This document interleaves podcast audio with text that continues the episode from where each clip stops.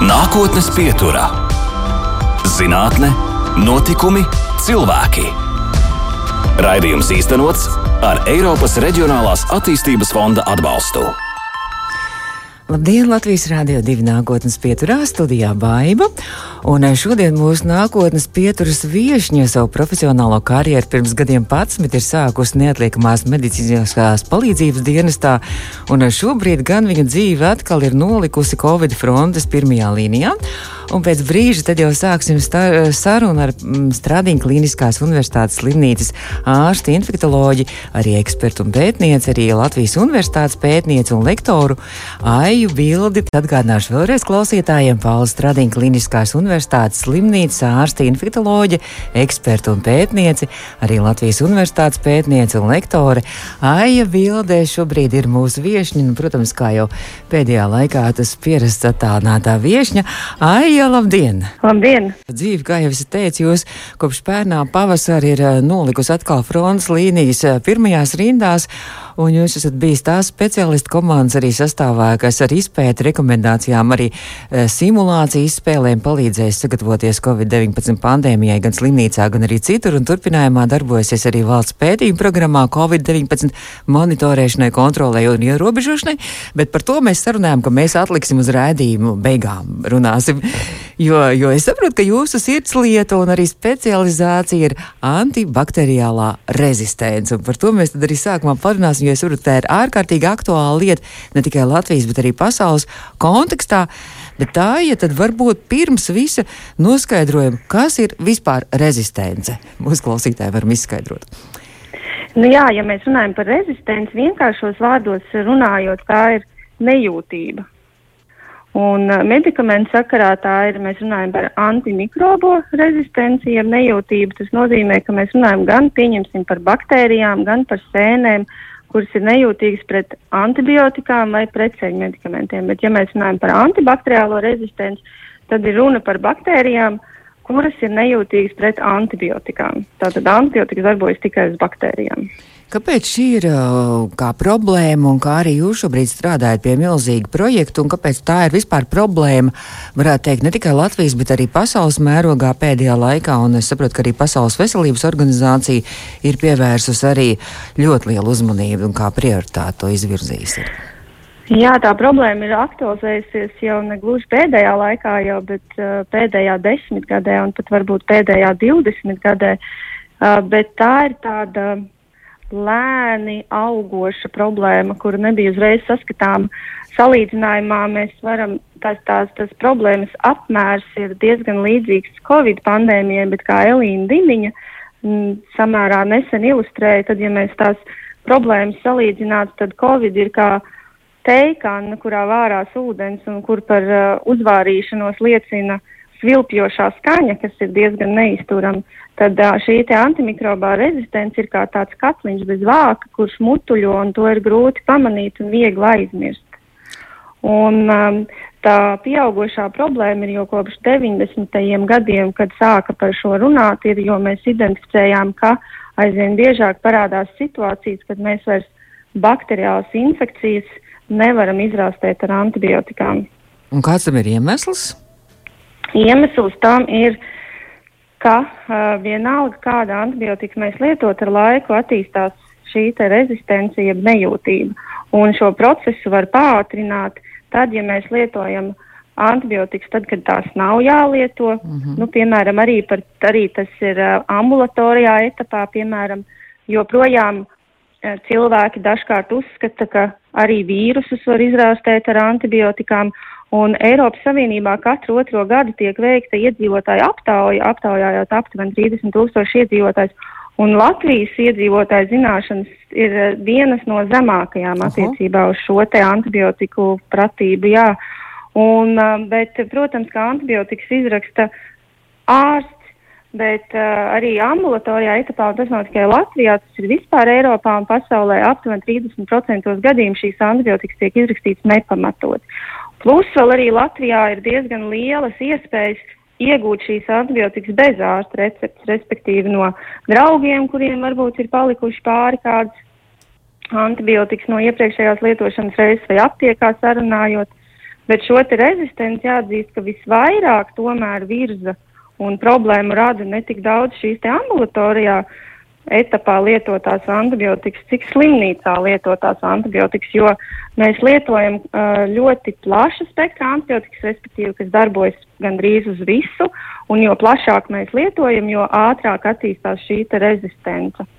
Bet, nu, protams, ka tas arī, un vēl arī otrs aspekts, kas veicina šo te rezistenci izplatību īpaši stacionāros slimnīcās, ir infekciju kontrole. Tas nozīmē, ka mēs mediķi un ne tikai mediķi, arī pacienti, mēs ar rokām varam pārnest šīs baktērijas no viena pacienta otram. Un tātad abi šie momenti summējoties veicina antibiotiku rezistenci izplatību. Runājot par antibiotikām, par to patēriņu, es nezinu, jums varbūt ir citi dati. Es atradu 2019. gada datus, tas ir pirms diviem gadiem. Un uh, tur bija tajos datos šādi milzīgi skaitļi, ka Latvijā uh, cilvēkiem un dzīvniekiem kopā, jo dzīvniekiem arī laikam eh, tās antibiotikas arī lieto veterinārijā medicīnā, ka eh, gada laikā ir izlietotas 17,27 tonnas aktīvās vielas šajās anti, antibiotikās. Un, jā, un no tā kopējā skaita 10,55 tonnas ir tieši patērēts cilvēkiem. Tas ir milzīgs skaitlis, man liekas. Tonnas. Jā, man arī tas ir jā, tas pats, diezgan jā. grūti atverams skaitlis. Bet, eh, ja mēs skatāmies tādā kontekstā, nu, droši vien ir ļoti grūti uztvert tādu atsevišķu ciparu. Es pat arī nevaru iedomāties, kā tas ir. Tur jāskatās eh, kontekstā, un, un vienmēr, manuprāt, visas tās problēmas ir jā, jāskatās kontekstā salīdzinājumā, kā tad ir citur. Jo citādi mēs nevaram saprast, nu, tas, kā mums ir, tas ir labi vai slikti, tas ir maz vai daudz. Tāpēc ir svarīgi nu, jā, salīdzināt. Jūs tagad tieši šobrīd arī strādājat. Jums pirms pāris gadiem bija arī tāds projekts un pētījums, kurā jūs arī izstrādājat rekomendācijas tieši ārstiem šajā sakarā, bet nu, šobrīd ir jauns projekts, kur arī jūs arī pētīsiet visu šo un arī slimnīcu līmenī pētīsiet. Jā, mēs jau esam uzsākuši. Mums uh, praktiski jau vidū šis uh, pasākums ir. Un tas uh, pēt, projekts, es drīzāk teiktu, tas ir tāds projekts, kvalitātes uzlabošanas projekts, par, uh, lai veicinātu atbildīgu antibiotiku lietošanu un infekciju kontroli slimnīcās. Jo raugi ir tā, ka tas ir tāds komplekss pasākums. Un, lai ierobežot rezistenci, viens cilvēks nevar neko izdarīt. Un tur vajag būt arī dažādām specialitātēm iesaistītām. Un mums Stradiņa, Plaus Stradiņa Kliniskajā universitātes slimnīcā tādā ziņā ir ļoti labvēlīgi apstākļi, jo mums ir vesels dienests, dienests, kurā es strādāju profesoru Dumpja uzraudzībā, un viņš ar šo problēmu nodarbojas jau ļoti, ļoti sen, un arī ir mani iedvesmojis, un jāatzīst, viņš man ir arī kā mentors, kam līdzināties arī um, kā etalons gan profesionālā ziņā, gan arī personības ziņā ar, nu, ar to zinātnisko pieeju un radošo pieeju problēmu risināšanā. Nu, lūk, tādā, tādējādi mums arī ir tā ekskluzīvā situācija Pauls Rodina Kliniskajā universitātes slimnīcā, ka mēs varam nodarboties, mums ir dienesti, kur ir uh, infektologi, un mēs varam šai problēmai pilnībā pievērsties un izstrādāt ris, uh, ris, uh, risinājumus, rekomendācijas. Mēs varam identificēt, cik daudz antibiotikas mēs lietojam, jo mums ir arī ļoti fantastiski klīniskie farmaceiti, kuri iesaistās. Tad mums ir mikrobioloģijas laboratorija, ārkārtīgi atsaucīgi doktori arī, kur palīdz uzraudzīt. Mums ir infekciju kontrolas māsas, kuras arī izstrādā rekomendācijas, un mums ir rezidenti, un mēs varam arī identificēt ne tikai kvantitatīvi, cik mēs antibiotikas izlietojam, bet arī kvalitatīvi veicot punktu prevalences pētījumu. Tas ir tā, ka mēs apskatāmies visus pacientus stacionārā, vai viņi saņem antibiotikas, vai viņi nesaņem antibiotikas, kāds ir iemesls, kāpēc viņi saņem un cik ilgi viņi saņem. Nu, lūk, nu, un uh, tad uh, pirms pāris gadiem mēs Jēkabpils slimnīcā arī no, vi, viņ, no viņu puses nāca iniciatīva, ka viņi arī vēlētos šādu te uh, multidisciplināru pieeju, lai identificētu, kāda ir situācija viņas slimnīcā. Jo, uh, jo pats galvenais ir, lai mēs varētu kaut ko uzlabot, mums ir jāsaprot, kā mums ir. Un saprotot, kā mums ir, tad mēs arī pie reizes varam identificēt, kur ir tās liet, lietas, kuras mums vajadzētu uzlabot. Un uh, pēc tās pieredzes mēs sapratām, ka šādu pieeju vajadzētu arī pārējās reģionālajās slimnīcās. Un, Man, man izdevās uzrunāt un iedvesmot arī piekrist, iedvesmot arī komandu. Mums ir vienkārši fantastiska komanda, kur, ir, kur, kur arī ir daudz, daudz dažādu profesiju pārstāvju. Mums ir projekta vadītāja Elīna Dimiņa, kas kādreiz strādāja SPKC un ar kuru kādreiz pirms daudziem gadiem mēs kopā strādājām arī Stradīs slimnīcā, kur arī ir absolūti ideālisti un uh, fanātiska antimikrobās rezistences nu, pretcīnītāji, kā lai to nosauc, un kur arī man iedvesmojas. Tad mums ir klīniskā farmaceita Agnes Prīliņa, infekcija kontrols māsa Elīna Languša un uh, sociāla antropoloģija Zana Linda Ozola un uh, farmaceite Ieva Rutkovska un uh, arī infektoloģijas rezidente un internista Alis Grāmatniec, kas ir visvairāk, ar kuru mēs kopā miedarbojoties arī visus šos projektus un vienu otru esam atbalstījuši. Un, un uh, rosinājuši, nu, lūk, un tad mums ir tāda plaša komanda, un um, mēs esam uzrunājuši ceturtā līmeņa reģionālās slimnīcas, kas ir nākamais aiz klīniskajām universitātes slimnīcām, un mums par milzu prieku visas reģionālās lielākās slimnīcas, šīs septiņas, atsaucās un ar entuziasmu piedalās projektā, viņu, ga, viņu, viņu slimnīcās arī ir pretī šāda komanda, kas, protams, viņiem ir papildus, papildus pienākumi, bet uh, varbūt ne tik plaša komanda kā mūsējā, bet, bet viņi ir atsaukšies un mēs darbojamies. Mums tā ideja ir ne tikai konstatēt to situāciju, bet arī nodot zināšanas, lai turpmāk šis process varētu turpināties arī nākamos gadus. Nākotnes pieturā. Un mēs turpinām raidījumu nākotnes pietura. Mūsu attālinātā viesiņa šodien ir infektoloģe, strādīja slimnīcas arī pētniece un arī Latvijas universitātes pētniece Aija Vilde. Tūlīt atgriezīsimies arī pie, pie jūsu pētījuma, bet runājot par sportu, tad es gribu izmantot izdevību pavaicāt. Kas notiek tagad ar tiem sporta klubiem? Kā jūs, kā infektologs, vai jūs atbalstītu vai nē sporta klubu atsākšanu darbību? Nu, jāatzīst, ka pie esošās epidemioloģiskās situācijas un mūsu slimnīcas noslodzes un mūsu situācijas reanimācijā, es, kas ir intensīvā terapija, un es pat arī strādāju Covid nodaļā, nu, es tiešām neredzu, manuprāt, nu, manuprāt, tas būtu diezgan neprātīgs lēmums šajā situācijā, kad mums tiešām Latvijas medicīna un slimnīcas un mediķi ir pārslogoti, jo Jo jāatceras, ka mēs, mediķi, arī esam tā. es gan biju nolēmusi runāt tikai par pozitīvām lietām šodien, bet nu, jā, jāatzīst, ka mēs arī esam tāda pati sabiedrības daļa. Un mēs esam piekusuši arī, un mēs arī augstam gan kontakts, gan atgriezties normālā dzīvē. Bet papildus mums ir vēl tas otrs mm -hmm. sloks, mums ir tā slimnīca, mums ir pacienti, Un uh, mums uh, ir mirstoši pacienti, un mums ir uh, zvani ar radiniekiem, un mums ir um, pilnas uh, intensīvās terapijas. Tas nozīmē, ka ir mazāk pieejama medicīna arī ne-covid pacientiem. Un šobrīd pie pieaugušās saslimstības uh, tāds lēmums būtu diezgan, diezgan neprātīgs. Un, protams, manuprāt, bet es, jā.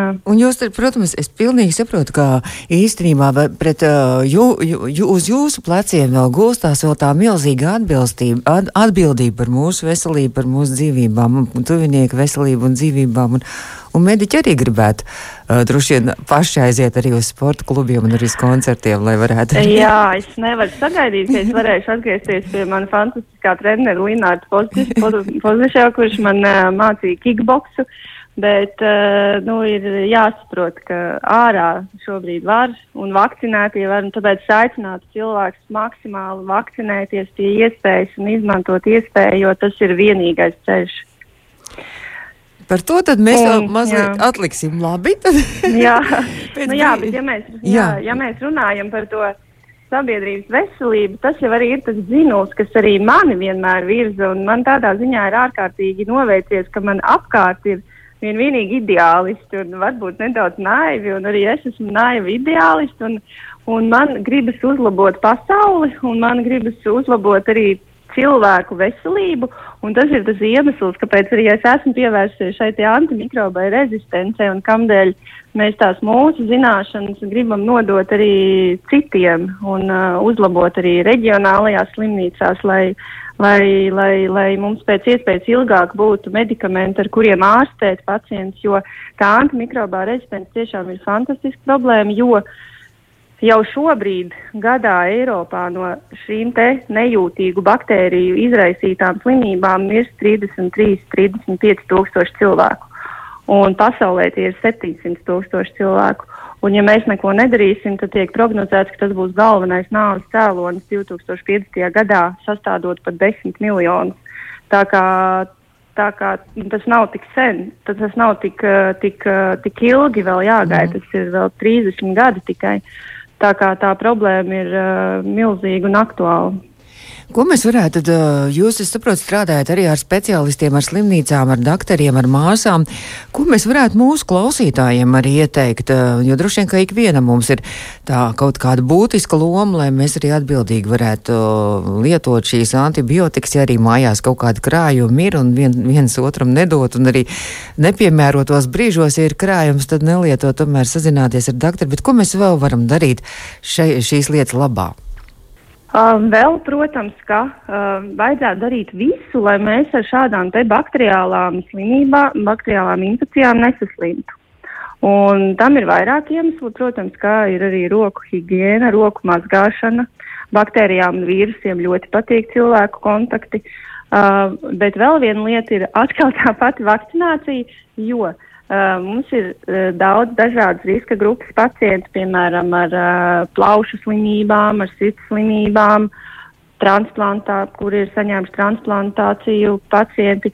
Tiem visiem būtu rekomendējums arī vakcinēties ar tā saucamo pneimokoku vakcīnu, kas ir pret streptokoku pneimoniju. Tas ir tā, tā ir tāda baktērija, kas izraisītu plaušu karsoni, jeb pneimoniju. Uh, var izraisīt smadzeņu apvalku iekaisumu, ja meningītu, un ja mēs izvakcinējamies, tad mēs šo iespēju novēršam.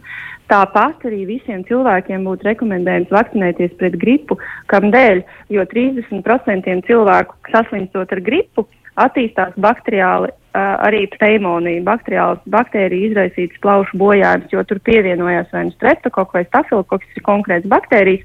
Tas nozīmē, ka arī, ja mēs izvakcinējamies pret gripu, tas nozīmē, ka mēs papildus nesaslimsim vēl ar šo te baktēriju izraisīto pneimoniju.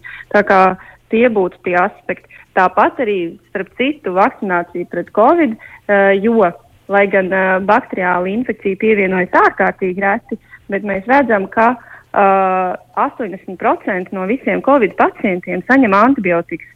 Un tas ārkārtīgi pasliktina situāciju. Un Latvijā mēs redzam arī reģionālajās slimnīcās, uh, veicot šo pētījumu, gan arī es strādājot nodaļā, redzu, ka mums ārkārtīgi daudz cilvēku nāk no mājām, covid pacienti, kuri jau dzer antibiotikas, kas ir absolūti nepamatoti. Ja, nu, absolūti nevajadzīgi. Un lielākā daļa dzer šīs antibiotikas vai nu no un vai nu ģimenes ārsts ierakstīs, vai nu citu iemeslu dēļ. Un, uh, nu, jā, tā kā tas ir vienmēr jāizvērtē, un nu, vienmēr vajadzētu klausīt, klausīt uh, ārsta rekomendācijām, un tad, ja izrādās, ka šīs uh, tomēr antibiotikas nav vajadzīgas, tad tas uh, lietot, tad viņas arī nevajag lietot.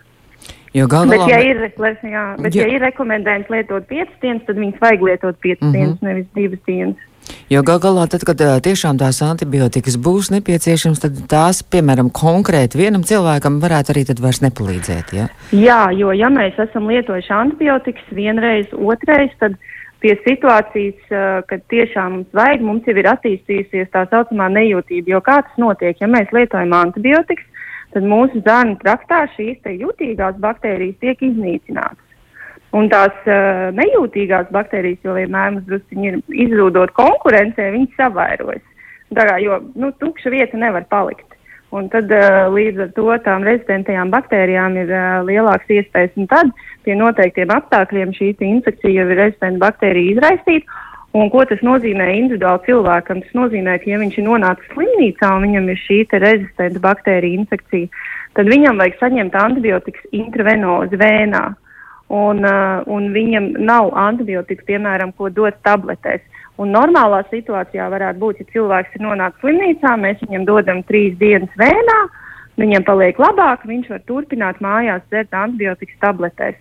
Bet rezistences gadījumā nozīmē, ka šāda iespēja nav un ka pacientam ir jāatrodas ilgāk slimnīcā tikai tāpēc, ka viņam ir jāsaņem vēnā šīs zāles. Jo ilgāk viņš saņem vēnā, jo lielāka iespēja slimnīcā, jo lielāka iespēja, ka pievienosies vēl kāda slimnīcas mikroflora vai baktērijas. Un, un, protams, ka tās ir arī izmaksas gan pacientam, gan valstī.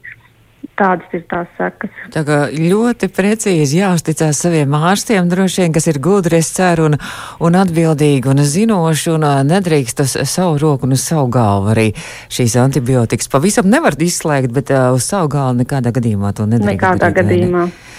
Nu, tad jā, jānovēl jums, lai jums veicās šajā projektā un lai veicās gan, gan mēdīķu audzināšanas darbā, gan arī mūsu vispārējo audzināšanas darbā. Bet uh, jūs arī teicāt, mēs jau mazliet tā kā pārējām uz to nākošo, jo es saprotu, ka, ka, mm, ka uh, šajā Covid laikā un Covid pētījumos bija arī viens no tādiem pētījumiem, kur jūs arī uh, savā strādiņas slimnīcā īstenojāt tādu un koordinējāt tādu projektu kopā ar Elektronikas un Datorzinātņu institūtu un arī Stradiņu Universitātes medicīnas izglītības tehnoloģiju centru, kur jūs izstrādājāt nu, tādu prototipu uh, ierīci, kas tad pētīja, kā mazgā rokas, uh, vai pareizi un cik kvalitatīvi mazgā rokas. Jā, es uh, gluži neteiktu, ka es koordinēju, drīzāk uh, vienkārši konsultēju. Uh, visu darbu smago darīja medicīnas izglītības tehnoloģija centra kolēģi un elektronikas un datorikas institūta kolēģi. Viņi izstrādāja šo proto prototipu, tas ir ar mākslīgā intelekta palīdzību. Mēs apmācījām um, tā kā izprast un novērtēt šo roku mazgāšanas kvalitāti. Es vairāk tā kā konsultēju tīri, kas ir jāņem vērā, kādi ir tie soļi. Nu jā, un um, kā jau es arī iepriekš minēju, kamdēļ es arī piekritu un iesaistījos šajā projektā, jo infekciju kontrola un roku mazgāšana un higiēna ir ārkārtīgi svarīgs aspekts gan uh, antibakteriālās rezistences ierobežošanā, gan arī covid uh, pārneses ierobežošanā. Un um, arī var redzēt, ka pasaulē slimnīcās mediķi apmēram 30% gadījumu visu veids ideāli un izcili. Mm.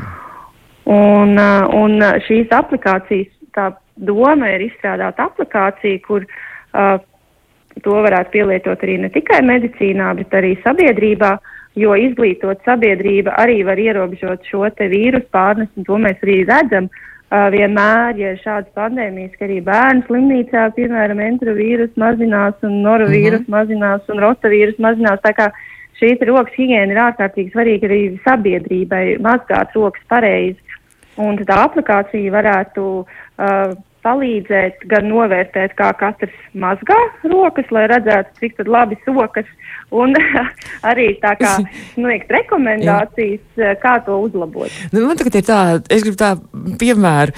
Man, piemēram, tagad telefons ir telefonā, tā aplikācija ir ielādēta, es ņemu līdzi, ejo radio stolit, es ņemu līdzi un pie izlietnes noliek to aplikāciju, lai viss nu, varētu nu, kontrolēt. Viņa, viņa vēl ir izstrādes stadijā, viņa nav, bet tā, tā, tā ideja teorētiski jā, ka jums ir eh, ekrānā kadrā Aha. jūsu rokas, un tad, tad var redzēt zaļš vai sarkans, vai, vai, vai jūs esat čempions, Aha. vai tomēr vajag vēl attīstīties. Tā kā, tā kā līdzīgi bērniem tā zobi ir arī, ka zobs tev, kad, kad arī tur krāsa mainās, arī ir tāds arī.